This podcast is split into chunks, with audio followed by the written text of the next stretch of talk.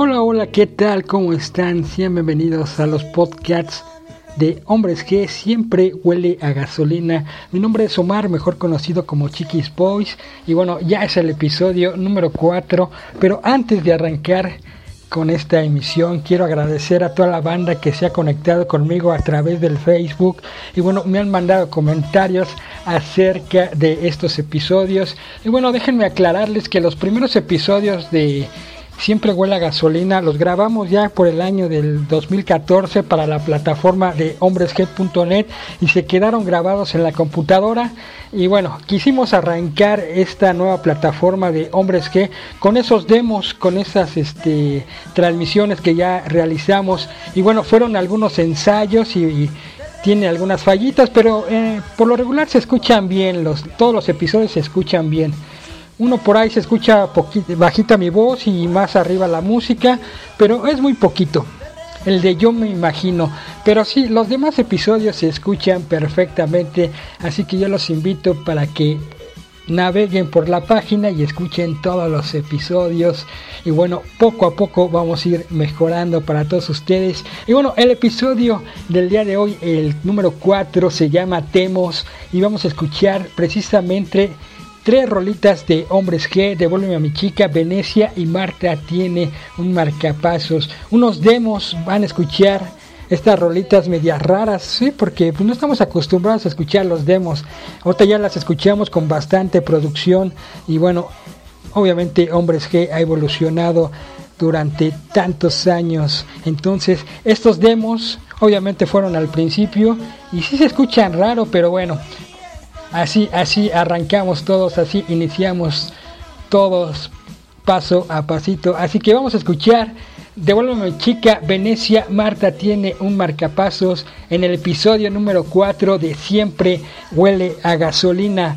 Yo me despido, síganla pasando bien. Mi nombre es Omar, mejor conocido como Chiquis Boys. Gracias, adiós.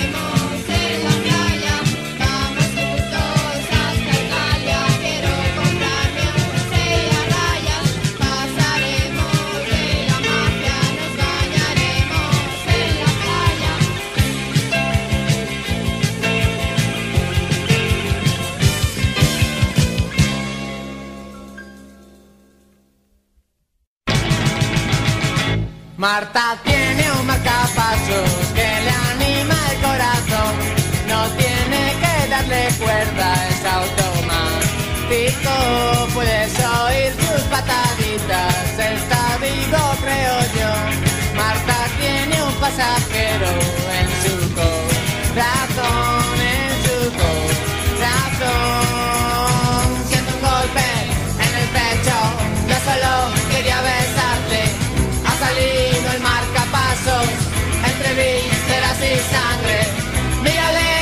los tiene.